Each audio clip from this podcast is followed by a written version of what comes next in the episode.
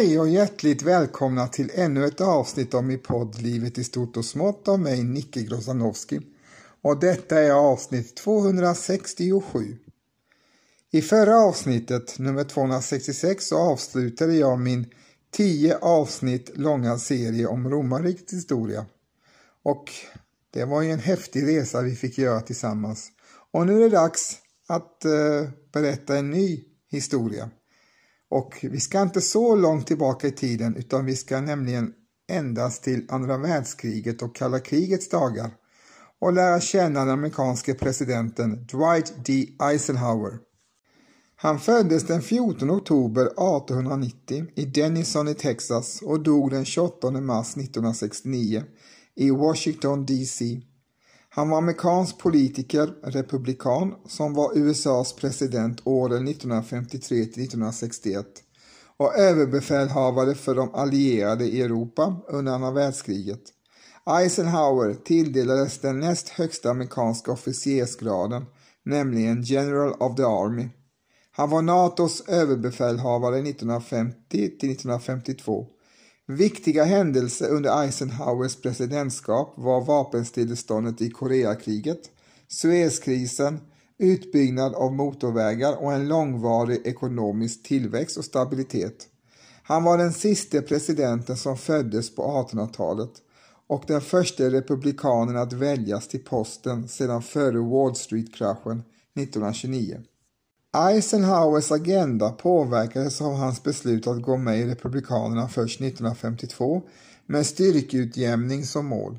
Politiskt utpekas han som en av de liberala republikanerna. Han motstod påtryckningar från sitt parti om att sänka skatterna till förmån för en balanserad budget samt en viss vidareutbyggnad av det socialförsäkringssystem som Franklin D. Roosevelt och Henry S. Truman skapat. Även integrationsfrågor fick en framträdande roll på den politiska scenen i och med domstolsutslaget Brown vs Board of Education 1954 som ledde till att Vita huset slutligen uttalade sitt stöd till tanken på federala åtgärder för att garantera allmän rösträtt och desegregering i det av demokraterna dominerande södern. Utrikespolitiskt fullföljde Eisenhower löftet om ett vapenstillestånd med Nordkorea, vilket ledde till Koreakrigets slut och slöt sig om en motvilligt till Storbritanniens premiärminister Winston Churchills linje om att stödja den kupp i Iran som förde Shah Mohammad Reza Pahlavi till makten.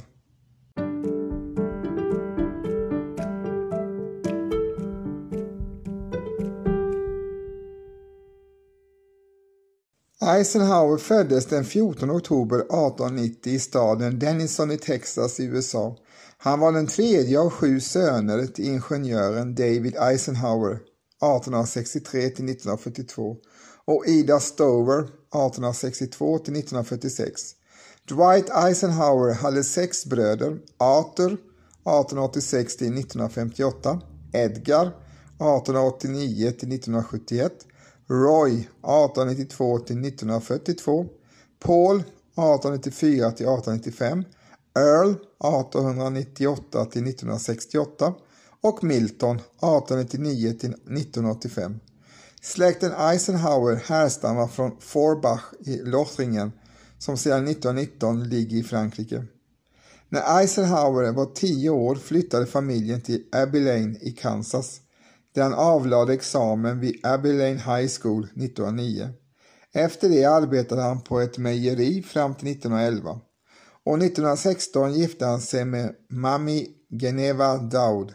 De fick två barn, Dowd Dwight Eisenhower 1917-1921 och John Eisenhower 1922-2013.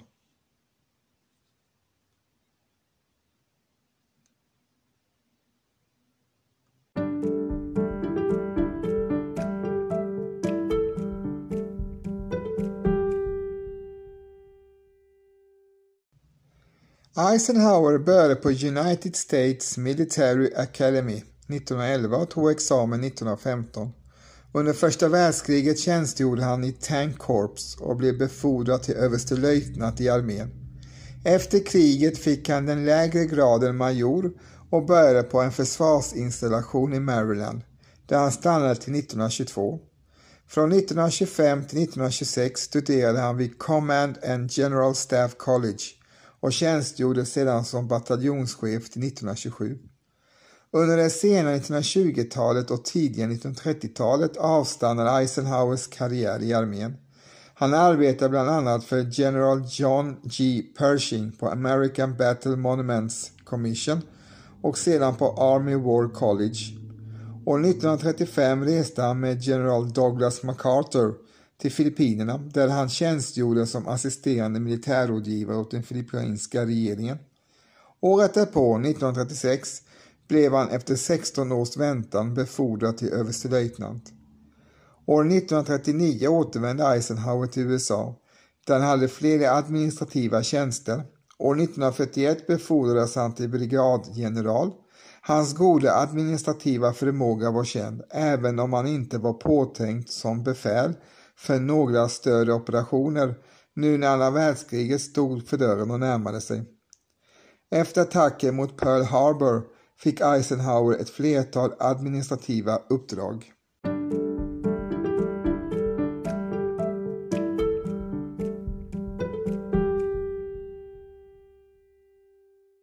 General George C. Marshall hade sett Eisenhowers goda organisations och ledarskapsförmåga.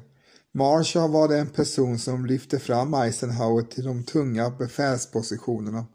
I juni 1942 utnämndes Eisenhower till chef över ETO USA, European Theatre of Operations, Europeiska operationsområdet, och stationerades i London. Senare samma år utnämndes han även till överbefälhavare över styrkorna i Medelhavsregionen genom det nybildade högkvarteret för de allierade styrkorna, Allied Force Headquarters. Eisenhower gjorde stora framsteg och fick sin fjärde generalstjärna.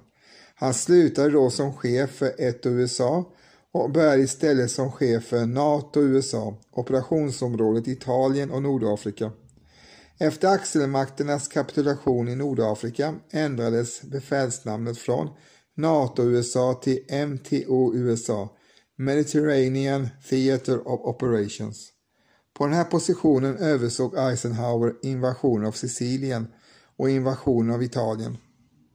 I december 1943 meddelades det att Eisenhower skulle bli överbefälhavare för de allierades operation i Europa.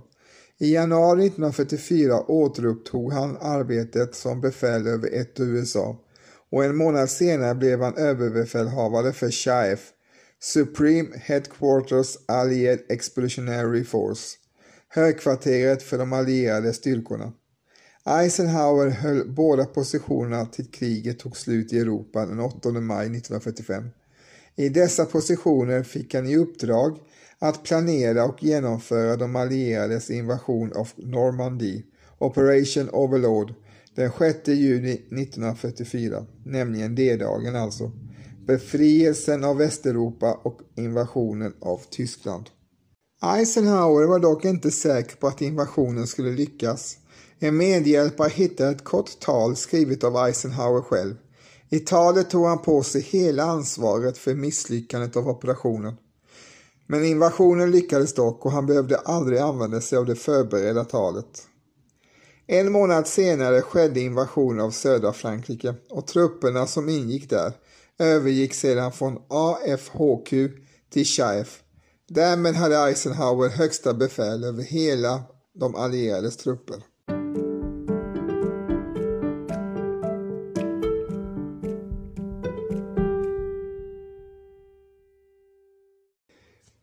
Som belöning för hans arbete som de allierades överbefälhavare befordrades Eisenhower 1944 den 20 december till femstjärnig general, General of the Army.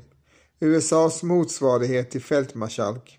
I den här positionen, precis som förut, visade Eisenhower sin stora ledarskaps och diplomatitalang. Han förhandlade skickligt med svåra allierade som Winston Churchill, Bernard Montgomery, Charles de Gaulle och Georgi Zjukov. Trots att han aldrig personligen sett kriget blev han respekterad av fronthärförare som Omar Bradley och George Patton. Presidenten Franklin D. Roosevelt hade stort förtroende och respekt för honom. Eisenhower blev erbjuden USAs finaste utmärkelse, Medal of Honor, men tackade nej eftersom han ansåg att den skulle reserveras för riktiga hjältar. Eisenhower har kritiserats för att han var alltför försiktig i strategin mot Tyskland 1944-1945 och höll fast vid framryckningen på bred front utan någon egentlig kraftsamling. Eisenhower anses därför mer som en ledarskaps och diplomatibegåvning snarare än som en briljant strateg. När Nazityskland kapitulerade den 8 maj 1945 blev Eisenhower utnämnd till befäl över USAs ockuperade zon i Tyskland.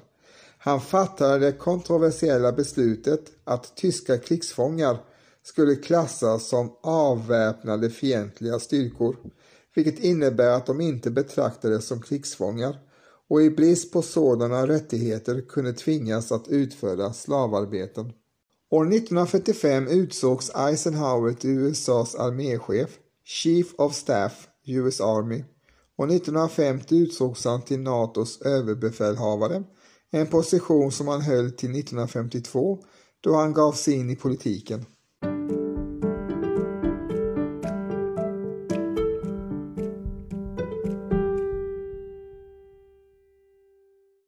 Truman-doktrinen var en avsiktsförklaring från amerikansk sida offentliggjord i mars 1947 av USAs president Harry S. Truman. Den innebar att USA skulle stödja citat, fria folk som kämpar mot väpnade minoriteter eller externt tryck syftande till att betvinga dem. Slutcitat. Syftet med doktrinen var i grund och botten att stötta regeringar som hotades av kommunismen vid en tid då Sovjetunionen utövade inflytande i bland annat Grekland och Turkiet. Den amerikanska presidenten Truman stod bakom förklaringen som ingick i det tal han höll inför kongressen den 12 mars 1947 i samband med inbördeskriget i Grekland där regeringen kämpade mot en kommunistisk gerilla. Citat I believe that it must be the policy of the United States to support free people who are resisting attempted subjection by armed minorities or by outside pressures. I believe that we must assist free people to work out their own destiny in their own way. I believe that our help should be primarily through economic and financial aid, which is essential to economic stability and orderly political process. Slutcitat.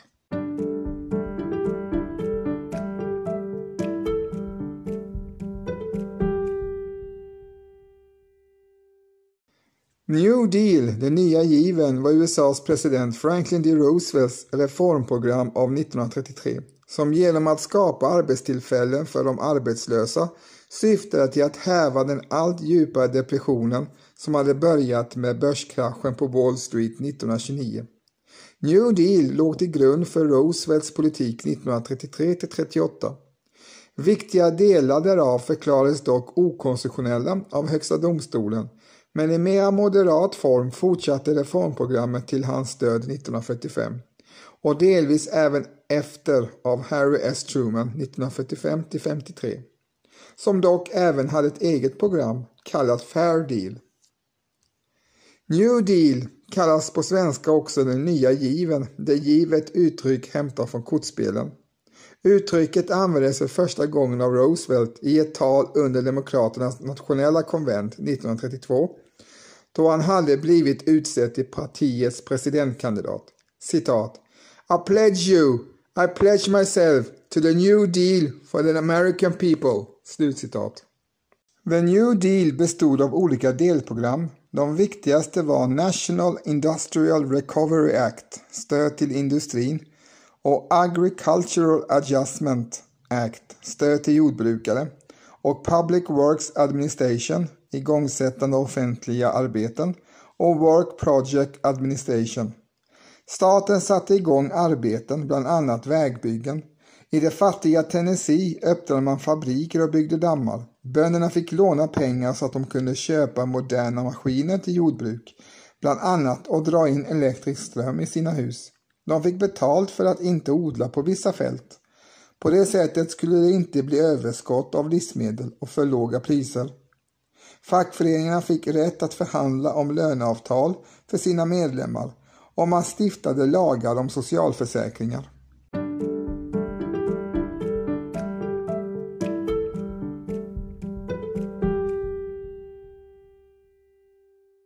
Efter sin succé under andra världskriget återvände general Eisenhower till USA där han mottogs som en hjälte. Många av hans anhängare uppmanade honom att söka ett politiskt uppdrag, även om förväntningarna svalnade något sedan han 1948 tackat nej till att ersätta den impopulära presidenten Truman som demokratisk presidentkandidat. Truman vann senare omval mot Eisenhowers senare bundsförvant, den populära New York-guvernören Thomas DeWay. Först 1952 gick Eisenhower med i Republikanska partiet. Inför presidentvalet 1952, då det stod klart att en republikansk seger var att vänta, accepterade han ett erbjudande om att bli dess kandidat och besegrade isolationisten och senatorn Robert Taft, son till den tidigare presidenten William Howard Taft. Till skillnad från Taft ville Eisenhower ha ett starkt NATO som han såg som en garant mot kommunismens utomlands och accepterade Truman-doktrinen och de flesta av New Deal-reformerna. Dwight Eisenhower påpekar att han valde Republikanerna för att Demokraterna hade haft presidentmakten i 20 hela år. Han sa också att arbetarklassen, som i regel var demokrater, kunde rösta på honom eftersom han själv var uppvuxen i en fattig arbetarfamilj. Eisenhower ansågs ligga åt det liberala hållet inom Republikanerna och stod den ofta kritiserade Dewey nära. I sin presidentvalskampanj kritiserade Eisenhower Truman-administrationens politik angående Korea, kommunism och korruption. Han lovade att personligen se till att Koreakriget skulle avslutas. I valet vann Eisenhower en stor seger över guvernör Adlai Stevenson.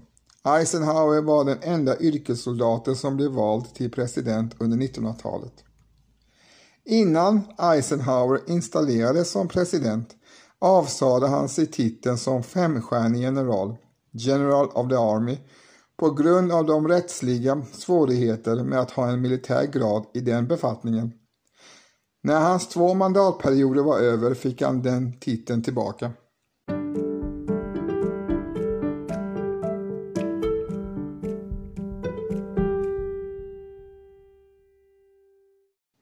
Presidentvalet i USA 1952 hölls den 4 november.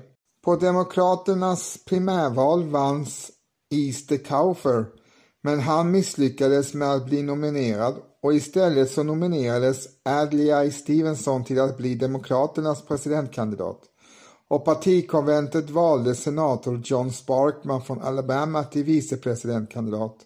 Stevenson var den sista presidentkandidaten att helt överlåta detta val i konventet. På Republikanernas konvent var Eisenhower och Robert Taft huvudmotståndare, men på konventet drog Eisenhower det längsta strået och valde Richard Nixon, en blott 39-årig senator från Kalifornien som medkandidat. Kort därefter skakades dennes rykte om en skandal, men efter ett framgångsrikt tv-tal beslöt Eisenhower att behålla honom som vicepresidentkandidat. Avgörande bakom Eisenhowers nominering var Thomas A. DeWay som själv avstått från att kandidera. Valet stod alltså mellan den demokratiske kandidaten Adlai Stevenson från Illinois och den republikanske kandidaten Dwight D. Eisenhower från Pennsylvania. Valet vanns av Eisenhower som fick 55,2 procent av rösterna mot Stevensons 44,3 procent. De befolkningsrika sydstaterna Texas och Florida röstade republikanskt för andra gången under 1900-talet, vilket förebådade partiets nuvarande starka ställning i delstaterna. Eisenhower kandiderade dock till stor del på demokraternas etablerade agenda och under hans regering skulle marginalskatten nå ett rekord i fredstid om 91 procent. Presidentvalet i USA 1956 hölls den 6 november. Och eh, Demokraterna valde återigen Adlai Stevenson att företräda dem i valet. och han valde Easters Cowfever som medkandidat. Och eh, Republikanernas eh, partikonvent var Dwight D. Eisenhower den enda kandidaten eftersom ingen ville ställa upp mot honom på grund av att president Eisenhower var mycket populär.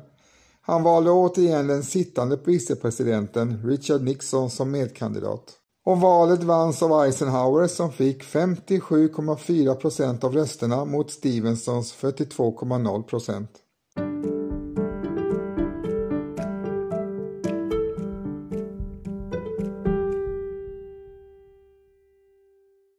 Som de flesta republikaner ansåg Eisenhower att en fri marknadsekonomi skulle sköta sig själv. Därför engagerade han sig förhållandevis väldigt lite i inrikespolitiken. Trots att hans parti kontrollerade kongressen ville Eisenhower inte sänka skatterna. Han menade att budgeten måste balanseras först. År 1954 återtog Demokraterna kontrollen över kongressen vilket begränsade honom från att göra stora förändringar. Eftersom Eisenhower ville koncentrera sig på utrikespolitiken bestod hans kabinett av affärsmän som hade fått stora befogenheter inrikes. När medborgarrättsrörelserna började uppstå kritiserades han för att han inte var villig att utöva sitt ledarskap om han inte tvingades till det. År 1957 skickade han dock federala styrkor till Arkansas där guvernören försökte trotsa Högsta domstolens beslut om att desegregera alla offentliga skolor. Eisenhower kritiserades också för att han inte tog avstånd från senator Joseph McCarthys antikommunistiska kampanjer. Privat så hyste han dock förakt för McCarthy och senare har det blivit känt att Eisenhower i hemlighet försökte försvaga den inflytelserika senatorn, vilket bidrog till McCarthys fall 1954.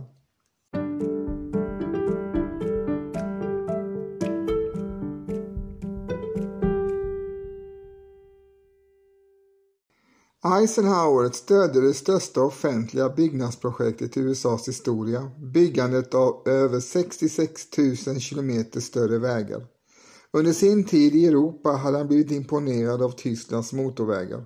Han kom också ihåg sin egen resa med militären 1919 tvärs över USA, en resa som tog 62 dygn.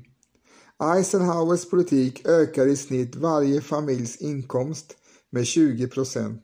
Han lyckades även balansera budgeten och ökade nationernas 48 delstater med ytterligare två. Alaska och Hawaii 1959. Eisenhower var en populär president och 1956 blev han återigen vald med en bredare marginal än 1952 och vann i traditionellt starka demokratiska stater som Texas och Tennessee. Återigen var som tidigare nämnts hans motståndare Adlai Stevenson. Tre recensioner inträffade under Eisenhowers tid som president Juli 1953 till maj 1954, augusti 1957 till april 1958 och april 1960 till 1961. Den reala BNP ökade bara med i genomsnitt 2,5 procent under de åtta åren. Eisenhower hyste blandade känslor till sin vicepresident Richard Nixon och stödde honom motvilligt som republikanernas kandidat i presidentvalet 1960. Eisenhower blev tillfrågad att nämna ett beslut som Nixon varit ansvarig för. Han svarade skämtsamt, citat, Ge mig en vecka så kanske jag kommer på något. Slutcitat. Nixon skyllde den knappa förlusten till John F Kennedy delvis på Eisenhower.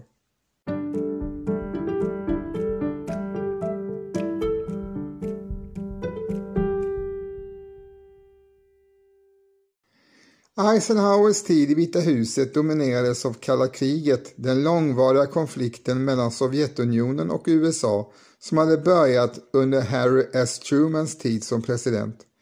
Under sin presidentvalskampanj hade Eisenhower lovat att få slut på dödläget i Koreakriget. Han hotade med att använda kärnvapen och ett vapenstillestånd undertecknades i juli 1953. Han skrev också ett försvarsavtal med Sydkorea och Kina samt bildade en antikommunistisk allians, SEATO, för att stoppa kommunismens spridning i Asien. Eisenhower accepterade doktrinen om uppdämning som innebar att USA inte skulle låta kommunismen expandera, men han ville också bekämpa dem mer aktivt genom sabotage och kupper. Ett exempel på detta är att Eisenhower-administrationen utnyttjade nybildade CIA för att 1953 stötta den iranske premiärministern Mossadegh som felaktigt utpekades som kommunist och eh, Sovjetvänlig. Andra exempel är kuppen i Guatemala 1954 och inblandningen i Kongokrisen 1960. I Indokina stödde USA det nybildade Sydvietnam. Under Eisenhowers presidentskap utvecklades USA som en global kärnvapenmakt. När även Sovjet skaffade sig kärnvapen fruktade många ett tredje världskrig med ömsesidig utplåning. Den 30 oktober 1953 godkände Eisenhower det säkerhetspolitiska dokumentet NSC 162-2 som framhöll kärnvapen som en viktig amerikansk försvarsmetod. Denna strategi utvecklades av utrikesminister John Foster Jules i hans tal om massiv vedergällning den 12 januari 1954. När Sovjetunionen sköt upp Sputnik 1957 bestämde sig USA för att skapa NASA 1958. År 1956 använde Eisenhower USAs starka ekonomiska styrka för att tvinga tillbaka Storbritannien och Frankrikes trupper från Egypten under den så kallade Suezkrisen. Samtidigt som Suezkrisen inträffade ett folkuppror i Ungern. Eisenhower fick motta viss kritik för USAs bristfälliga stöd till revoltörerna. Under sin andra mandatperiod blev Eisenhower mer och mer engagerad i Mellanösternfrågor. Något som gjorde att han skickade amerikanska trupper till Libanon 1958 och han stödde bildandet av Bagdadpakten mellan Irak, Turkiet, Pakistan, Iran och Storbritannien. Josef Stalins död 1953 innebar att en period av avspänning kalla kriget påbörjades. Eisenhower hoppades på en överenskommelse med de nya sovjetiska ledarna om att stoppa expanderingen av ländernas kärnvapenprogram något som misslyckades. Då kommunisterna tog över makten på Kuba i januari 1959 började en ny upprustningstid. När ett amerikanskt spionplan av modellen U-2 sköts ner över sovjetiskt luftområde förvärrades förhållandet mellan öst och väst ännu mer.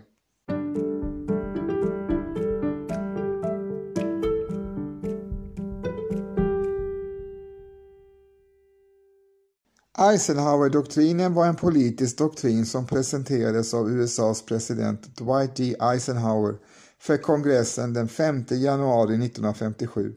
Där förklarade presidenten att USA ekonomiskt skulle stödja de länder i Mellanöstern som ville få till stånd ett nationellt självbestämmande samt att man militärt skulle stödja de länder i regionen som hotades av anfall från citat, länder som kontrolleras av den internationella kommunismen. Slutcitat.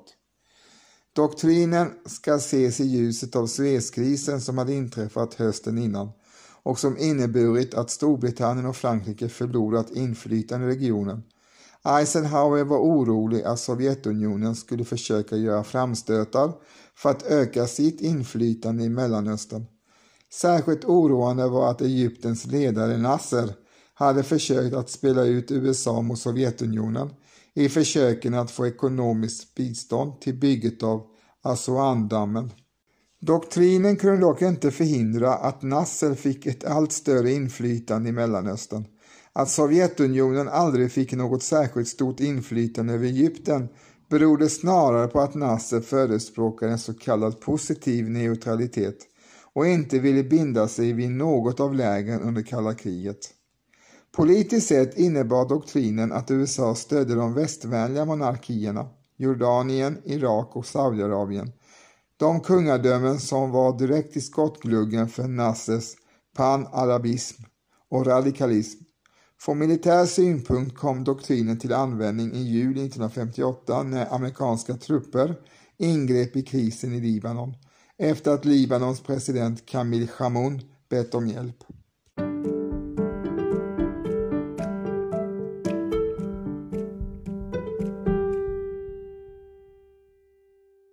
Den 17 januari 1961 gav Eisenhower sitt sista tv-sända tal från Vita huset.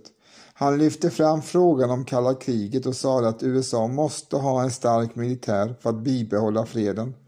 Han varnade samtidigt för det militärindustriella komplexet. Efter sändningen ska han ha sagt att han är orolig för vad som kommer att hända när någon sitter på presidentposten som inte kan lika mycket om militär som han själv. Militärindustriella komplexet är en term som syftar på en gemensam intressen mellan försvarsindustri, militär, övriga myndigheter och politiskt system. I ett sådant system skyddas staten av militären. Militären är beroende av industrin att förse dem med material och vapentillverkarna är beroende av myndigheterna för att kunna bibehålla en stadig inkomstkälla. Det är ett exempel på en järntriangel. Efter att Eisenhower i sitt avskedstal som amerikansk president 1961 varnade för det militärindustriella komplexet fick termen bred spridning. Den används i pejorativa sammanhang där den syftar på det nära samarbetet mellan försvarsindustrin, militären och kongressen, en kartell som av kritiker anses verka mot allmänintresset med ekonomisk vinning som motivation. År 1956 hade den amerikanske sociologen C. Wright Mills i en uppmärksammad studie, Makteliten, visat på att en tredelad maktelit bestående av militär ekonomi och den federala regeringen i stort sett satt demokratin i obalans. Sedan Eisenhower lämnat Vita huset försvagades hans goda rykte och han sågs som en handlingssvag president. Detta kan bero på att hans unga efterträdare John F Kennedy hade andra värderingar än Eisenhower. På senare år har dock Eisenhowers rykte som president återhämtat sig, även om många menar att hans största bedrifter var de under hans tid som krigsledare. Eisenhower flyttade till Gettysburg, Pennsylvania där han och Mammy hade tillbringat mellankrigstiden. Han drog sig inte helt tillbaka från det offentliga livet. 1964 höll han ett tal vid Republikanernas nationella konvent och han var också med i en reklamfilm för Barry Goldwater. Dwight D. Eisenhower dog av hjärtsvikt den 28 mars 1969 på Walter Reed Army Hospital i Washington DC. Han blev 78 år gammal och fick som alla andra presidenter en statsbegravning. Eisenhowers porträtt fanns på dollarmynten som präglades från 1971 till 1978. Byggnaden väster om Vita huset namngavs 1999 postumt till Eisenhower Executive Office Building.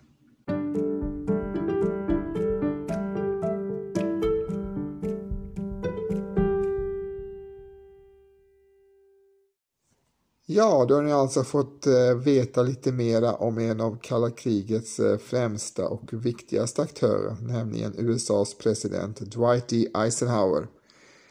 Han var, började dock som krigsledare under andra världskriget där han eh, var allierad överbefälhavare i Europa och eh, följde sedan efter andra världskrigets slut som Amerikas president under 50-talet. Där mycket hände både inrikespolitiskt och utrikespolitiskt. En mycket intressant tid i vår världshistoria. Jag hoppas att ni har uppskattat det avsnittet lika mycket som jag. I avsnittets början fick ni höra Carl Michael Bellman och hans fjäril Vingar syns på Haga, även kallad för Fredmans sång nummer 64. Och som avslutning får ni höra Par Deus med gruppen Gotthard. De här två musikaliska mästerverken finns att lyssna på i sin helhet om ni klickar in er på Spotify och letar upp dem där. Mycket nöje med det. Min podd utkommer i regel en gång i veckan och då oftast någon gång under helgen. Men det kan även förekomma vid andra tidpunkter under veckans gång. Det beror på hur min agenda för respektive vecka ser ut och när jag har tid och möjlighet att spela in nya avsnitt. Och för att inte du som lyssnar ska missa när jag släpper nya avsnitt så prenumerera gärna om du inte redan gör det. Så får du en avisering när jag släpper nytt, så missar du inte det. Och medan du väntar på det så botanisera gärna i mina tidigare släppta avsnitt. Det har blivit en hel del i arkivet och du lär hitta något guldkorn, det kan jag nästan lova dig. Så mycket nöje med det och varsågoda att botanisera där. Slutligen vill jag tacka dig som har lyssnat och vill du stödja podden ekonomiskt så går det bra att swisha ett valfritt bidrag till 073 358 61 43. Men detta är naturligtvis helt frivilligt. Jag är glad och uppskattar bara du lyssnar på avsnittet. Så än en gång, tack så jättemycket för att ni lyssnade. Var rädda om er där ute så hörs vi snart igen, om en vecka ungefär. Ha det gott! Hej då!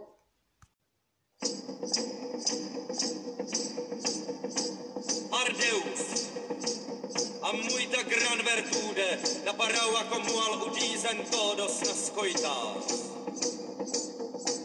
Ai Santa Maria,